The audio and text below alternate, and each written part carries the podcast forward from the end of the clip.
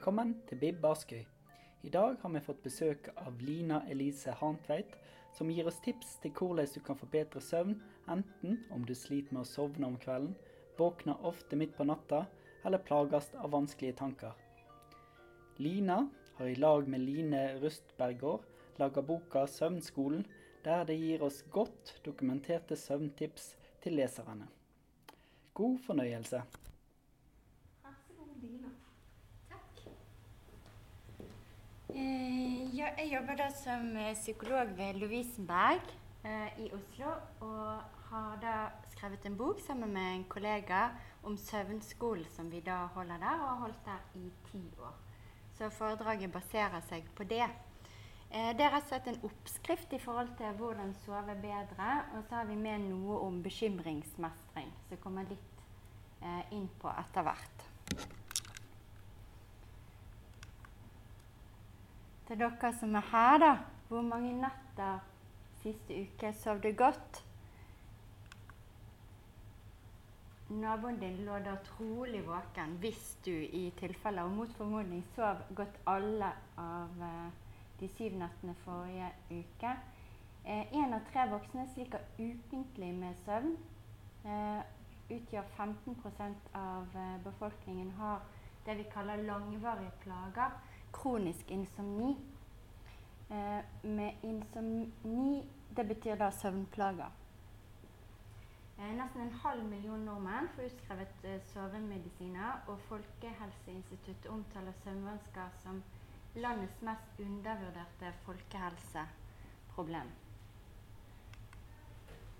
God søvn kjennetegnes av at du sovner i løpet av ca. 30 minutter. Eh, du har sammenhengende søvn, men alle våkner i løpet av eh, natten. Bare at vi merker ikke de fleste oppvåkningene som vi har. Og at du sover da til klokken ringer. Det aller viktigste er at du føler deg uthvilt neste dag. Mange spør da på disse søvnskolene som vi har holdt, hvor mye søvn eh, er vanlig å ha. Det er veldig individuelt, men det varierer da mellom fem og ca. ni timer. Noen, trenger, noen, få trenger ganske lite søvn, og noen få trenger òg eh, mer søvn enn andre. Ungdommer f.eks. trenger mye søvn.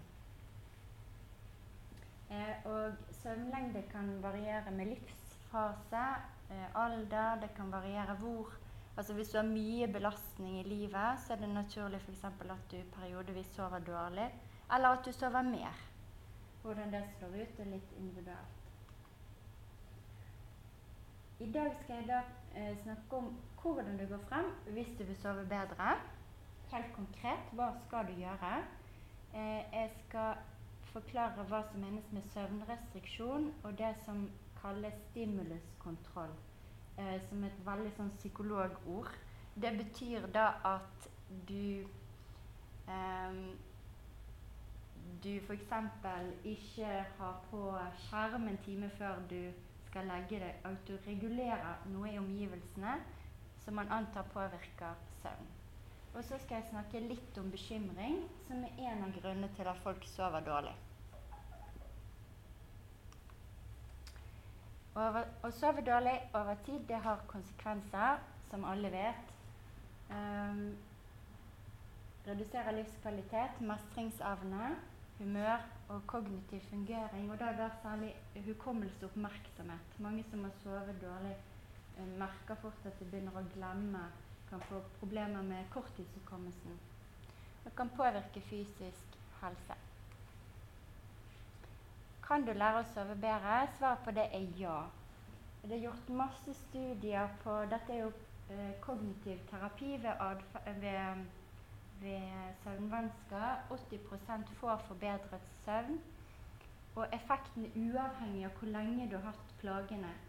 Så du kan ha hatt i to år, eller ti år, eller sju eller 30 år. Effekten er den samme. Ofte de som f.eks. Eh, kommer til søvnskolen hos oss, har hatt disse plagene veldig lenge. De har prøvd alt. De har gått på sovemedisiner i veldig mange år. Og de opplever da til slutt at sovemedisin ikke virker, fordi man utvikler det som kalles tol toleranse etter hvert. Noen sier at de ikke utvikler toleranse, dvs. Si at de fortsetter å ta den samme dosen år etter år.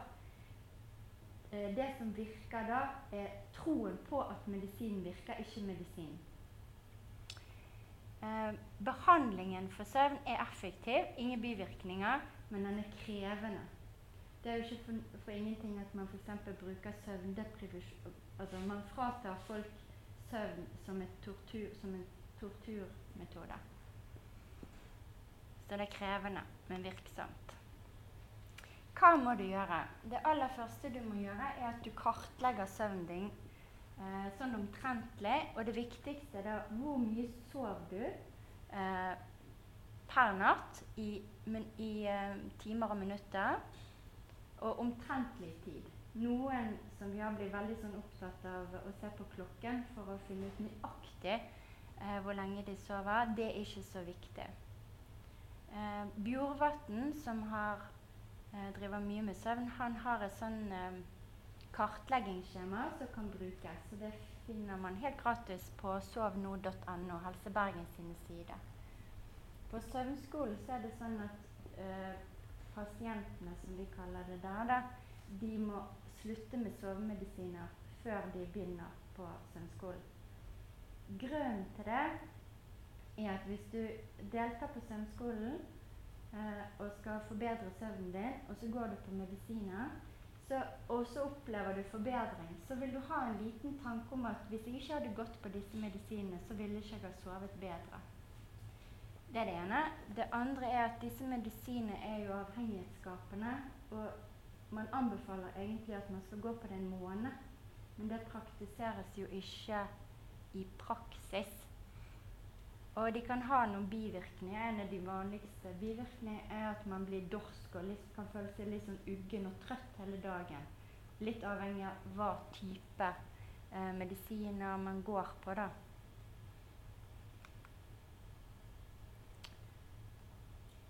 Så, etter du har kartlagt søvnen din én til to uker, så får du et gjennomsnittstall. På søvnskolen så er det eh, veldig sjelden at folk sover mer enn fem og en halv time når de kommer til oss. Mange sover mindre. Og vi regner da en minimumsrestriksjon på fem og en halv time. Det betyr at fra du begynner på søvnskolen eller til du begynner ditt individuelle opplegg, så skal du ikke være mer enn 5 12 timer i sengen. Eh, hvis du har sovet seks timer i gjennomsnitt, så kan du da tilbringe seks timer i sengen, osv. Eh, de siste årene så har vi eh, tillatt at folk velger en strengere restriksjon. Og F.eks. Bjorvatn de opererer vel med at hvis du sover to til, eh, la oss si tre timer, så kan du til, eh, tilbringe tre timer i sengen. Men for våre pasienter så har vi sett at det er altfor krevende. For de fleste mennesker er det altfor krevende. Man vil da ikke kunne fungere i jobb, man vil ha vanskelig for å fungere hvis man har barn og et familieliv. Altså, det vil være Det er en for stor belastning, og folk vil droppe ut. Så derfor har vi satt av minimumsrestriksjon, altså fem og en halv time. Men vi har da hatt noen som har vært så ekstremt motivert og det er, har gjerne vært folk som har hatt søvnplager veldig veldig lenge. Som har prøvd absolutt alt. Ingenting har virket. Og nå sover de virkelig ikke, og de er desperat. Eh, så da de kunne sove på fire-fire og en halv time, som òg er veldig, veldig lite. Hensikten med denne restriksjonen Det høres jo litt sånn paradoksalt ut. Du sover dårlig i utgangspunktet, og behandlingen går ut på å sove enda mindre. Hensikten med dette er også å øke søvntrykket. At kroppen bare må sove, likegyldig av hva slags tanker du har, bekymringer du har, eh, angst, uro eh, At rett og slett du bare kollapser til slutt. Og det er jo det som skjer. Eh, man utfordrer òg en del antagelser eh, som er veldig vanlig å ha hvis man har eh, søvnplager og gjerne hatt det over tid. Så en av de tingene folk gjerne gjør, at de legger seg himla tidlig. Eh, legger seg ni-halv ti, forteller de, og så blir de liggende mange timer i sengen. Noen gjør det. Eller noen sovner fordi de er helt utslitt, og så våkner de kanskje ett-to, og så får ikke de sove, eller de sovner utpå morgenkvisten. Eh, så er det òg en grunnleggende antakelse som folk har at hvis man sover eh, hvis man legger seg i sengen, selv om man ikke sover, så får man i hvert fall hvilt. Det er jo igjen òg helt feil. For det man gjerne gjør, man ligger der, så begynner klokken å gå. Um, og så tenker man på hvor trøtt man kommer til å være. Man begynner å bli bekymret for å ikke få sove. Man tenker på det som skal skje neste dag, og hvordan, hvilken tilstand man da er i. Eh, så man må gjerne hvile, men ikke i sengen. Altså sånn, på sofaen, i en god stol, hvor som helst. Så du har da kartlagt søvnen. Du har funnet ut hvor mye du sover i gjennomsnitt. Du har seponert sovemedisiner. Eh, og så er det neste punkt. Du bestemmer deg for når du skal stå opp. Du velger deg et tidspunkt. Eh, for de som er i jobb, så vil jo det være det tidspunktet du må stå opp for å komme til jobben din. La oss si halv sju, da. Eh, og dette tidspunktet skal du da stå opp til òg i helgene.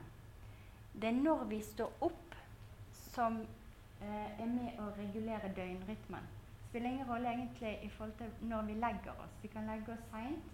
Det har ikke noe å si for døgnrytmen. Eh, hensikten her da er å styrke assosiasjonen mellom sengen og søvn.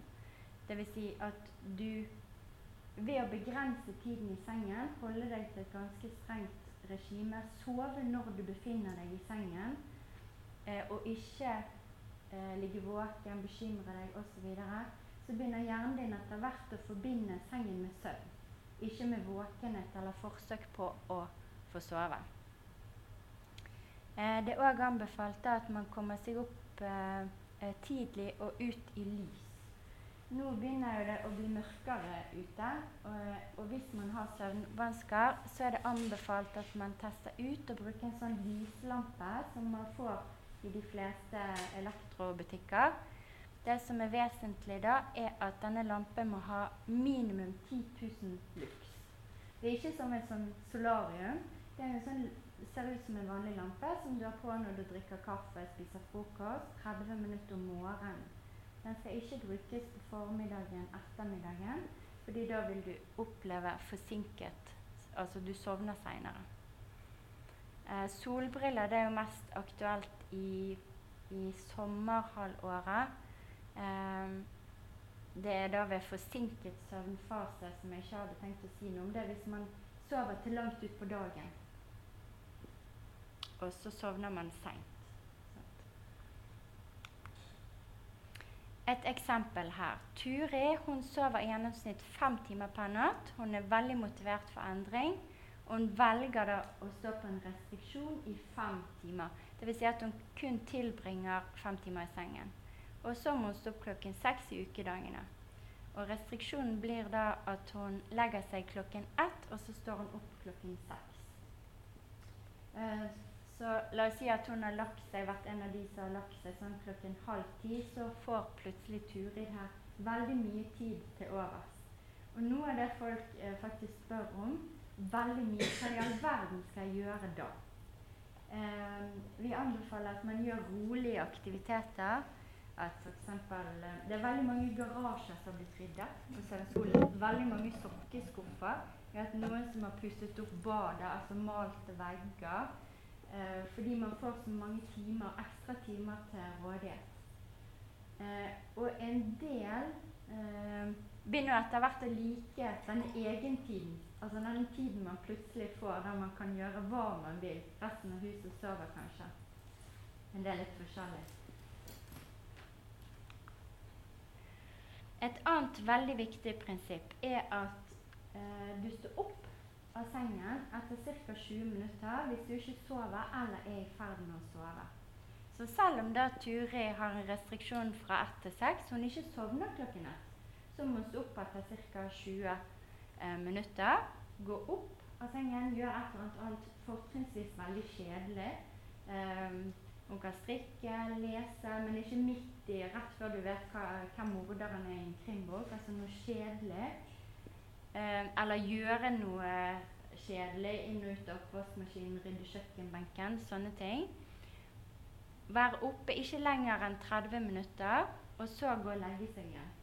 Og så kan det skje, og det skjer en del innledningsvis når man begynner på programmet, så går hun og legger seg igjen.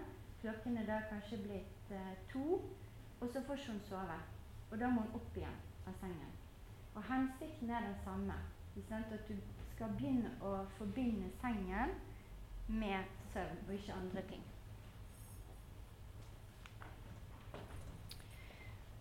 Eh, så er det ikke sånn at Turi skal stå på denne strenge restriksjonen i seks uker, seks til åtte uker, som programmet varer. Eh, hvis hun har sovet mer enn 80% av den tiden hun kunne tilbringe i sengen, hun kunne tilbringe fem timer, så kan hun da legge seg 15 minutter tidligere uken etter. Dvs. Si at hun da legger seg kvart på ett. Eh, man bør ikke ta for store jafser bakover. Eh, for at eh, eh, da kan man Det er rett og slett ikke bra. Ja. Og sånn justeres restriksjonen uke for uke. At, Noen ganger så vil det være sånn at kanskje første uken så har hun sovet den tiden, så får hun legge seg et kvarter tidligere. Uken etter så har hun ikke det. Hun har ikke over 80, 80 eller over 80 og blir stående da på samme restriksjon. Eh, og det er jo naturligvis veldig krevende, fordi at eh, man vil få Det er ganske fysisk opplevelse å stå på søvnrestriksjon. Dvs. Si man kan bli litt sånn kvalm og uggen. Eh, du får hukommelsesproblemer. Du må være forsiktig med kjøring og en del sånne ting. Det som virker i forhold til søvnbehandling, det er denne restriksjonen. Helt enkelt. Eh, vi vet ingen annen psykologisk behandling som virker bedre enn dette. Eh, I tillegg til dette med disse 20 minuttene, at du står opp etter 20 minutter hvis du ikke får sove, og at du står opp til fast tid hver dag og i helgene. Og så lys tidlig på dagen. Dette er ting som er forsket utrolig mye på, og som gir eh, 80% forbedring. Det man kan teste ut Kaffe er forsket på, eh, men for noen er det sånn at man kan ha kaffe på nattbordet, ta seg en slurk. Det har ingen betydning for innsovning eller søvn. Man anbefaler at uh, hvis man har et søvnproblem, at man ikke drikker kaffe etter klokken fire. Eh, og at man avslutter altså kardiotrening, høypulstrening, f.eks. løping, sykling oppoverbakke osv tre til fire timer før legging. Og grunnen til det er at kroppen bruker tid på å roe seg ned. Styrketrening, annen form for trening der du ikke kommer så høyt opp i puls, da trenger ikke du så lang tid på å roe ned. Eh, det er òg forsket på eh, at badstue gir effekt, men de færreste har jo badstue hjemme her i Norge. Eh, man kan få litt den samme effekten hvis man tar et varmt bad eller en veldig varm dusj noen timer før man skal legge seg. Det som skjer da, er at overflatetemperaturen i kroppen går opp.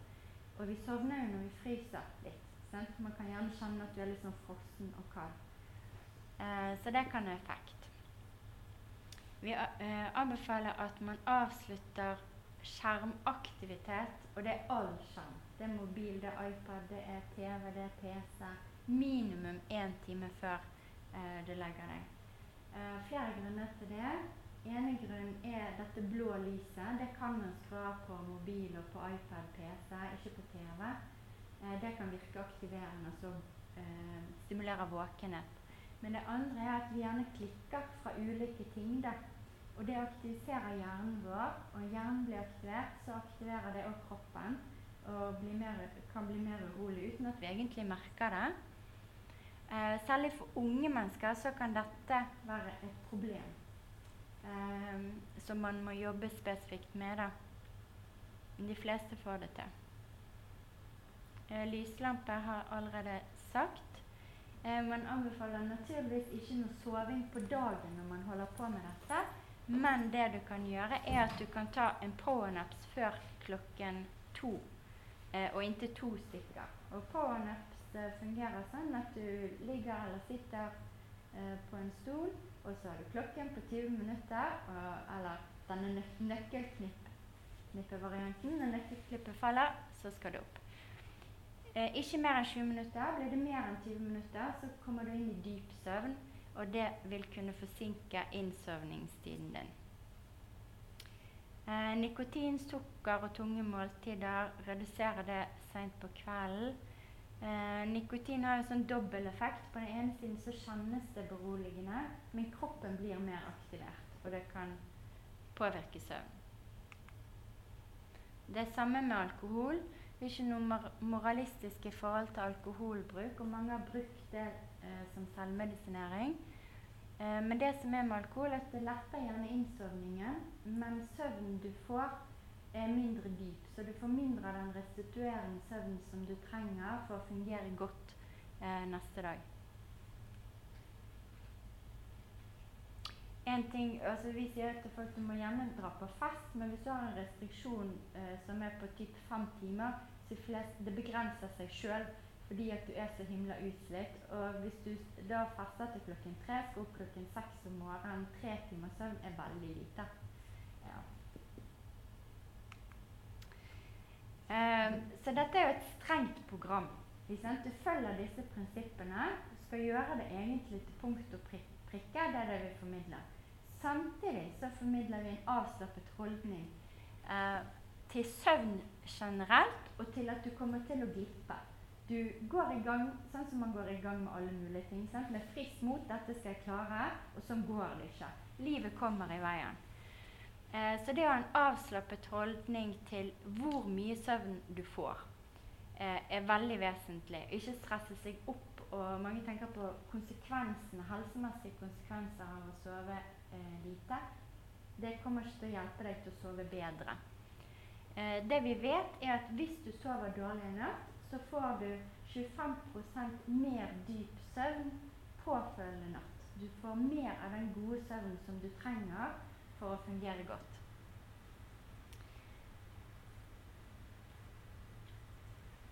Det som gjerne skjer, at dette trenger man ikke å jobbe med eh, spesifikt, altså disse underliggende holdningene. Folk får gjerne en mer avslappet holdning til søvn fordi at de ser, de ser at det virker. Programmet virker.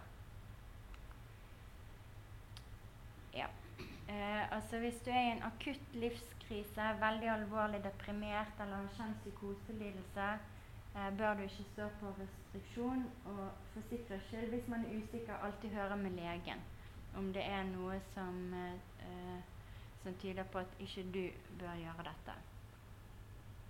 Eh, gravide, f.eks., eh, være litt forsiktige.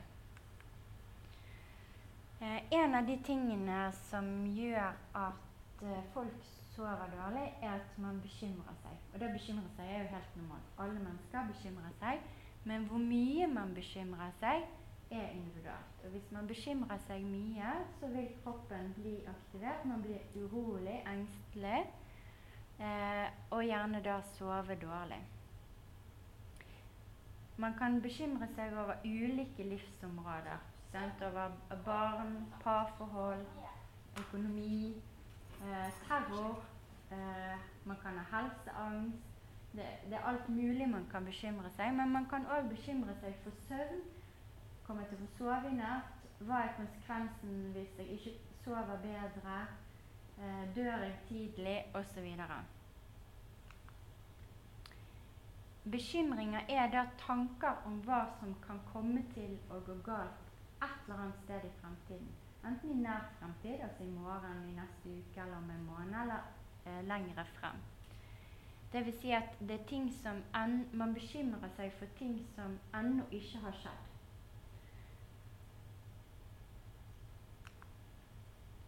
Det er mange ulike veier inn i bekymring. Eh, en vei er at det er lært. Man har lært en måte å tenke på, gjerne hjemmefra.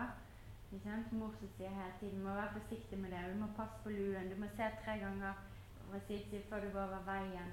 Eh, det kan òg være at man har vokst opp i en utrygg situasjon eh, på en eller annen måte der en eller begge foreldrene har hatt eh, psykiske og fysiske vansker. Der det å kunne se for seg hva som kommer til å skje, har vært en viktig overlevelsesstrategi, og som man tar med seg inn i voksen alder, selv om man ikke lenger trenger den strategien, selv om det er trygt rundt den nå. Eh, det kan òg være at man har opplevd eh, dramatiske livshendelser, som det kalles, i voksen alder. Eh, F.eks. jeg som jobber mye med traumeproblematikk, ser at veldig ofte pasienter som har opplevd alvorlig traume, vil bekymre seg for at det samme kan komme til å skje en eller annen gang i fremtiden, eller andre eh, bekymringer. Det kan òg være at man har et mer sensibelt nervesystem hvis man er god til å bekymre seg. Dvs. Si at eh, det skal lite til før man blir kjenner, Jeg kaller det aktivering, men at man blir urolig, da, f.eks. Man vet f.eks. at introverte har et mer sensibelt eh, nervesystem enn ekstroverte. Ekstrovert er hvis du liker masse folk og liker denne type situasjon som jeg står her i nå, f.eks. Introvert er hvis du liker å være hjemme og lese bøker. Ja. ja. ja. Trenger ikke si noe. Eh, det er da tre måter å håndtere bekymringer på. Den aller vanligste måten er at vi argumenterer med bekymringen. La oss si du sitter med søvn, så skal du på ferie, og du er usikker på hvordan det vil gå å sove borte. Så vil du tenke jeg har lyst på ferie, ja, det kan jo gå bra. Ja, men hva hvis vi havner ved siden av en barnefamilie, og ungene skriker hele tiden? Sant? Det er argumenterende. Så du er gjerne frem og tilbake i hodet ditt på ene og andre siden. Eller hvis du er redd for din egen helse, la oss si at du har begynt å kjenne på hjerteklapp. Eh, så tenk, å, hva er dette her for noe? Nei, det er sikkert ingenting. Det har, jeg var sikkert litt urolig. Nei, det kan være noe feil med hjertet mitt osv. Så, så holder man på frem og tilbake. Det vil føre til uro. En annen veldig vanlig uh, strategi er at du prøver å distrahere deg bort fra tankene. F.eks. ved å gjøre noe annet. Se på Netflix er blitt en veldig vanlig strategi. Zappe på TV-en, på mobilen osv. Eller gjøre andre ting. Som er en form for tankeunngåelse. Som er det siste. Um, her er jo en påstand, selvfølgelig. Og hvis man er skikkelig skikkelig dyktig til å uh, bekymre seg, så vil man kunne være uenig at denne påstanden er, uh, stemmer. Uh, påstanden er at du ikke forhindrer at ting kan komme til å gå galt ved å bekymre deg. du kan ikke holde oppe et fly ved hjelp av tankekraft, så vidt jeg vet. Og det øker ikke sjansen for å falle i søvn fordi du bekymrer deg for ikke å få sove. Det folk ofte blander, er bekymring og, og aktiv problemløsning. Man tenker at man, man, holder på å løse et problem ved å tenke på problemet. Men aktiv La oss si du har en Ikea-kommode, står i gangen hjemme, det har han gjort i ukevis, og du sitter i sofaen, du prøver å tenke ut hvordan du skal løse dette problemet, ergo skru den sammen. Da er vi mer her. Sant? Og kanskje tenker jeg kommer ikke til å få det til, osv. Da er vi i gang her. Hvis du går ut i gangen, åpner pakken og begynner å skru, da driver du med aktiv problemløsning. Det er en forskjell. Eh, så er det òg det litt sentrale momentet her at det du bekymrer deg for, det har ikke skjedd. Det kan skje. Kanskje du har opplevd tidligere at det har skjedd, men det har ennå ikke skjedd. Eh, og de fleste bekymringene de blir Jeg vet ikke om jeg skal si dessverre, men det blir ingenting av. Eh, I behandling så sier de aller, aller fleste at det de ønsker seg, er å ha det bra. Eh, det innebærer gjerne at de er, til, de er, der de er, når de er det. At de er tilfreds, lykkelige, at de har det godt med seg sjøl og andre. Eh, hvis man bekymrer seg mye, så vil man ofte oppleve at man ikke er helt til stede, og andre vil kunne oppleve at du ikke er helt der. Fordi du holder på med en annen prosess inni hodet ditt. Så hvordan jobbe med bekymringer? Eh, en ting man kan gjøre, er å begynne å stille spørsmålstegn ved bekymringer. Hjelper det meg å tenke videre på dette? Får er det bedre av å tenke videre på dette? Er det nyttig for meg å tenke på denne måten? Er det andre ting jeg heller vil bruke tiden på? Har, har det jeg tenker på, skjedd? Og hvilken følelse er det jeg kjenner på? Altså det å gå til kroppen Eh, det man prøver med bekymring, er gjerne å stikke av fra følelsene. Man kjenner at man er urolig. Så det å gå til kroppen og kjenne etter hva er det jeg egentlig kjenner på, eh, og være til stede i det, er ofte en bedre løsning enn å bekymre seg.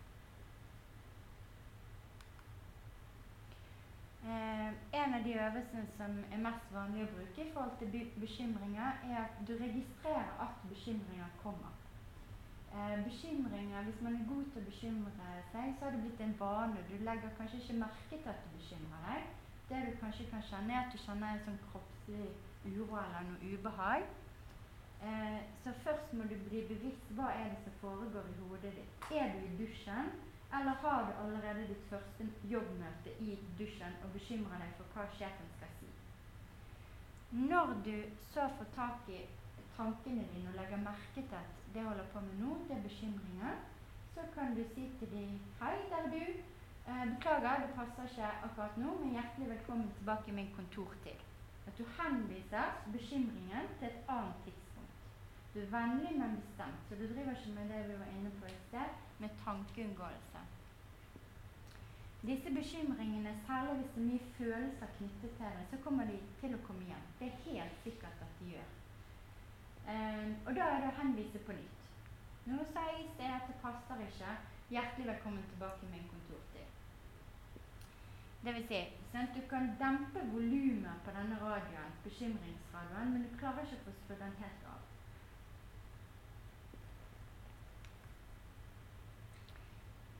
Så la oss si at du velger deg en kontortid for bekymringer. La oss si klokken fem. Nå bare sier jeg et tidspunkt.